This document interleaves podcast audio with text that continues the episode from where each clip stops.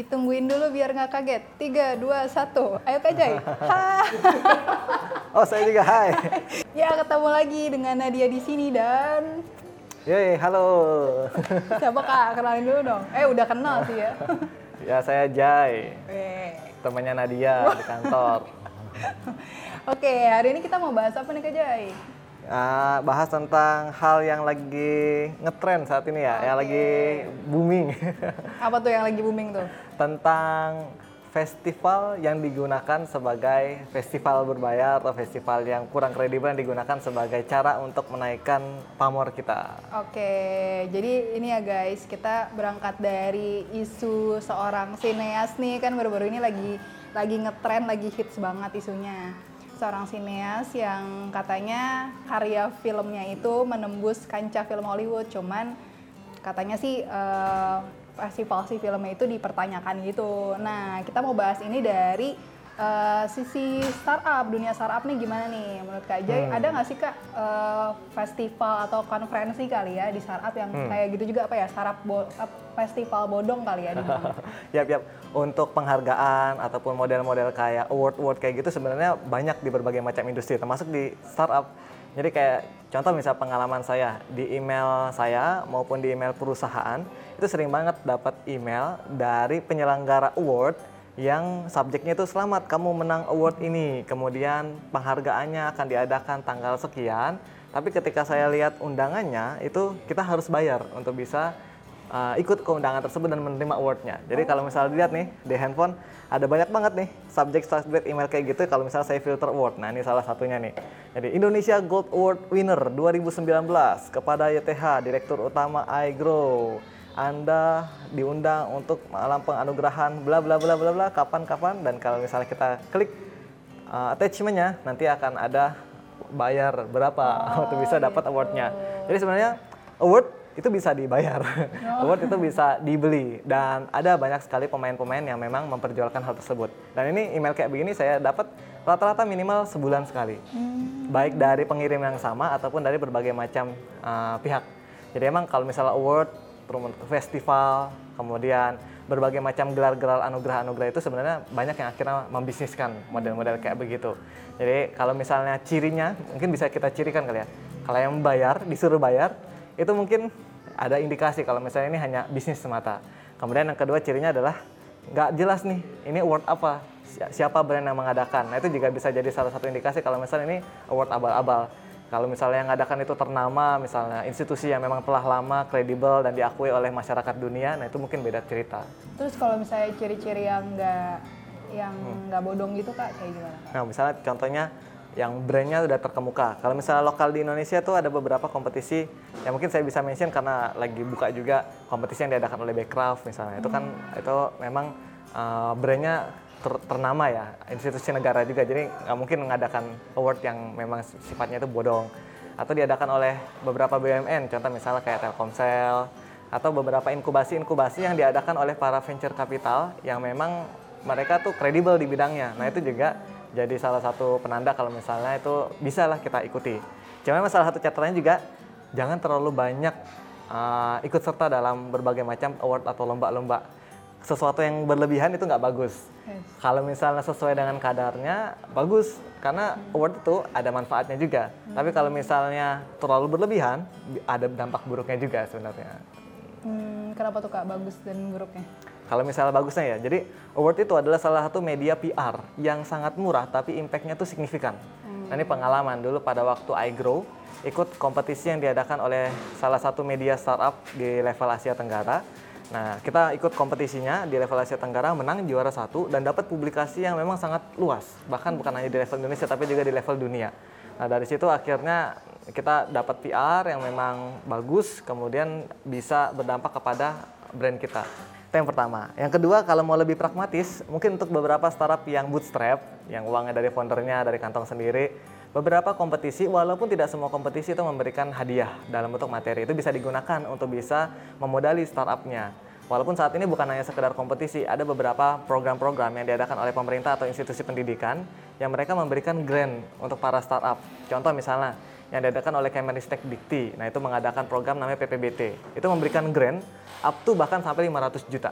Ya, tapi modelnya mereka seleksi proposal, kemudian dilihat oleh para mentor, juri dan lain sebagainya sampai lulus, kemudian mereka ada uh, sesi monitoring dan evaluasi secara berkala. Itu contohnya. Jadi uh, kalau misalnya mau dapat funding, bukan hanya bisa dari investor, tapi juga bisa dari program-program kayak begini. Apalagi grant-grant, terutama startup-startup yang punya story impact yang bagus, itu biasanya punya kemungkinan untuk bisa mendapatkan model kayak gini. Nah itu itu bisa jadi salah satu salah satu alternatif pendanaan. Cuman itu tadi kadarnya secara proporsional, jangan sampai akhirnya berlebihan. Jangan sampai kita nanti tersematkan label sebagai founder atau startup lomba. Jadi setiap bulan kerjanya itu ikut lomba dari satu lomba ke lomba yang lain. Dan akhirnya produk kita itu tidak maju-maju. Karena lomba ini memang berdampak jangka pendek, PR-nya bagus, kita dapat uang untuk pengembangan produk kita. Cuman kalau misalnya kita mau cari yang dampaknya jangka panjang, maka yang kita harus lakukan adalah inovasi produk gimana caranya kita bikin produk yang memang mampu memuaskan kebutuhan customer kita. Terus menerus update, berinovasi, memperbaiki produk kita dan itu adalah sebuah legacy yang nanti dampaknya jangka panjang dibandingkan hanya sekedar penghargaan-penghargaan dan uang-uang lomba yang sifatnya itu jangka pendek. Jadi bisa digunakan tapi seperlunya. Dan aktivitas utama kita itu adalah gimana cara kita bikin produk yang bisa benar-benar memberikan solusi buat customer-customer kita. Ya sama mirip-mirip dengan fundraising kan di dunia startup nih ya kita tahu banyak yang menargetkan ingin dapat fundraising dengan cara yang sangat besar sehingga akhirnya porsi waktu yang dimiliki oleh para founder itu habis untuk fundraising. Hmm. Nah jangan sampai nih founder itu fundraising terus sepanjang tahun sehingga kita nggak memperhatikan produk dan customernya. Fundraising mungkin perlu dibatasi sekitar 1 sampai tiga bulan, dia konsentrasi di sana. Ketika sudah selesai fundraising ya sudah balik ke pekerjaan semula yaitu gimana caranya bikin produk. Kemudian nanti kalau misalnya sudah waktunya lagi, ya mungkin bisa fundraising lagi. Itu contohnya. Hmm. Kalau Kak Jai bilang tadi ada tipikal startup lomba, ada nggak kayak emang di dunia nyatanya startup yang lomba terus gitu? Nggak tahu ya, mungkin ada saja yang model-model oh. kayak gitu. Oh. Mungkin cirinya adalah kalau misalnya punya story yang bagus, kemudian bisa menang lomba, tapi kalau misalnya kita tilik kepada traction yang substansialnya, hmm. itu lemah di sana. Contoh hmm. traction yang substansial itu adalah berapa banyak sih pengguna harian, bertumbuh nggak pengguna hariannya dari waktu ke waktu, berapa revenue per user yang dia dapatkan per satuan waktu misalnya per bulan bertumbuh nggak revenue per user yang dia dapatkan misalnya berapa keuntungan yang bisa dapatkan misalnya dilihat dari PNL-nya uh, profit and loss report-nya. Bertumbuh atau enggak PNL-nya itu kan beberapa matriks-matriks substansial yang sebenarnya bisa menjadi acuan kita untuk bisa menunjukkan ini punya performa yang bagus nggak dari sisi esensinya sebagai sebuah produk dan sebagai sebuah perusahaan startup ini. Karena memang kalau menang lomba, ini mungkin bisa juga buat teman-teman jadikan sebagai salah satu tips. Kalau misalnya menang lomba, asalkan kita, asalkan fit ya terutama, fit dengan kriteria Julinya, asalkan kita punya story yang bagus, story yang bagus misalnya impactnya bagus. Contoh misalnya kayak kayak berapa perusahaan kita ada story-nya bagus. Misalnya membantu petani bagus story-nya. Membantu peternak meningkatkan taraf hidup orang-orang yang berada pada piramida terbawah.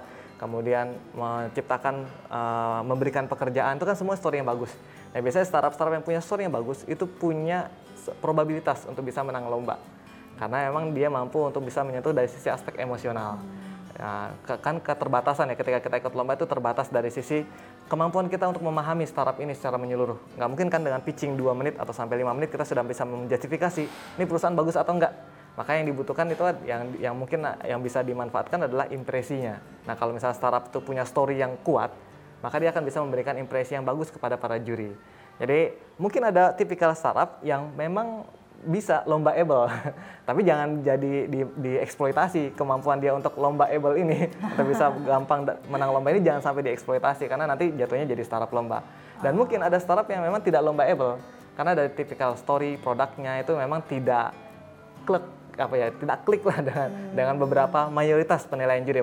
Walaupun emang lomba itu beraneka ragam ya. Ada yang lomba menilai pitchingnya ada yang lomba menilai bisnisnya ada yang lomba menilai impactnya ada yang lomba menilai berbagai macam aspek-aspeknya jadi kalau untuk startup yang tidak lomba able ya sudah fokus aja kepada kepada produk kita toh ada berbagai macam alternatif PR public relation dan alternatif pendanaan yang lainnya hmm. Berarti tadi ya kalau mau ikut lomba para star founder inget goalsnya apa ya kayak. Ya? yap yap yap. Jangan sampai membuang banyak membuang waktu di sana juga gitu. Hmm, kalau ini nih kak cerita tentang di Badar Sarap Studio sendiri pernah nggak ya. uh, pernah nggak kita ikut lomba terus ternyata lombanya tuh lomba yang bodong gitu? Yap yap yap. Nah kalau misalnya di Badar Startup Studio kan ada beberapa startup ya. Tadi ada startup yang memang lombaable dan ada startup yang tidak lombaable. Jadi ketika kita ikut lomba misalnya contohnya nggak menang misalnya, itu salah satu misalnya salah satu indikasi tidak lombaable. Oh. Kalau misalnya ikut lomba terus, terus habis itu masuk ke final, kemudian bisa menang, itu tipikal yang lombaable. Walaupun ada banyak variabel yang nggak bisa langsung disederhanakan kayak begitu ya. Ada variabel kemampuan pitching, ada variabel kemampuan jawab juri, ada variabel jurinya, ada variabel tipikal lomba dan lain sebagainya. Banyak banget. Nah, kalau di startup studio ada startup-startup kita yang yang memang ikut lomba. Contoh ada beberapa startup yang kita pernah menang tuh teman bisnis itu pernah menang lomba. Tapi ada startup-startup yang memang tidak pernah ikut lomba karena yang pilihannya tidak mau ikut lomba. Karena memang dilihat dari story-nya, dilihat dari tipikal foundernya. Karena ini juga cocok-cocokan dengan tipikal founder. Jadi ada beberapa tipikal founder yang tidak suka untuk ikut lomba, ya karena memang karakteristiknya, yang nggak suka untuk presentasi di depan umum, nggak suka idenya diketahui oleh orang lain, nggak suka ikut semacam seremoni-seremoni itu yang dia suka adalah kerja, kerja, dan kerja. Tapi ada juga tipikal founder yang memang uh, suka, cocok dengan model kayak gitu. Ini bukan soal benar atau salah, ini soal pendekatan yang efektif atau enggak pendekatannya itu sifatnya nanti bisa produktif untuk memajukan startupnya atau enggak. Nah, jadi di Badar Startup Studio itu juga juga banyak nih jenisnya startup-startup yang ada di sana. Nah, pernah waktu itu ikut lomba, kalau nggak salah ini Tebi ceritanya itu lomba, bagus sih brandnya, cuman uh, dari sisi pembayaran uang hadiahnya itu yang dari tahun 2000, saya lupa 17 atau 18. 17 dari tahun 2017 sampai sekarang itu belum dibayarkan sama sekali wow. uh, hadiah yang dijanjikan baik dalam bentuk in kind maupun dalam bentuk uang cash oh. dan itu ternyata ketika diselidiki oleh foundernya teman di teman-teman di teman bisnis ternyata itu berulang lomba ini pemenang-pemenangnya dari beberapa tahun yang lampau sampai yang yang terakhir itu memang belum dibayarkan jadi itu mungkin salah satu indikasi kalau misalnya ini ada yang nggak beres nih dengan dengan event kayak begini. Hmm. Cuman ada juga lomba yang memang kredibel, ya lomba yang memang yang bonafit untuk diikuti. Kasian hmm. banget, terus diiklasin aja kak akhirnya. ya nanti biar pengadilan akhiratnya. Mungkin buat uh, teman-teman pendengar podcast belajar startup atau penonton YouTube ada startup studio nih kak, kak Jay hmm. ada tips-tips gak buat teman-teman yang mungkin mau ikutan lomba-lomba startup kayak gitu? Hmm yang pertama, perhatikan kebutuhan atau objektif kita kalau misalnya mau ikut lomba, festival, award, dan lain sebagainya. Objektifnya itu untuk apa? Nggak masalah kalau misalnya ada objektif untuk meningkatkan publisitas lewat PR. Itu bukanlah sesuatu hal yang salah juga. Nggak masalah kalau misalnya kita pengen dapat uang dari hadiahnya. Itu juga bukan masalah yang ini juga, yang yang harus di, dihinakan juga. Nggak masalah kalau misalnya kita pengen dapat mentoring, kita pengen dapat exposure, kita pengen dapat jejaring. Semua ada modus ada objektifnya masing-masing. Jadi tergantung dengan objektifnya kita. Kalau misalnya ternyata ada kebutuhan dan memang fit dengan lomba, opportunity lomba yang ada, yang apa ikutin aja. Asalkan proporsional sesuai dengan kadarnya, tidak berlebihan, tidak mengalokasikan waktu, bahkan lebih besar dibandingkan dengan waktu yang kita alokasikan untuk membangun produk kita dan berinteraksi dengan customer kita. Jadi itu yang pertama, sesuaikan dengan objektifnya, sesuaikan dengan tipikal lombanya, pastikan lombanya itu kredibel, tapi juga pastikan kalau misalnya kita memberikan perhatian yang proporsional juga kepada tim di startup kita. Jangan sampai kita fokusnya hanya di lomba dan berbagai macam seremoni-seremoni model kayak begitu. Kalau misalnya emang ternyata sudah memutuskan untuk ikut lomba, festival, award, berbagai macam program-program, grant dan lain sebagainya, ya usahakan yang terbaik di sana. Latihan, kemudian coba menangkan, kemudian manfaatkan itu uh, dampak multiplier effect setelah lomba atau penghargaan itu supaya nanti bisa berdampak kepada startupnya masing-masing. Begitu kira-kira Nadia. Wah, ya. ya.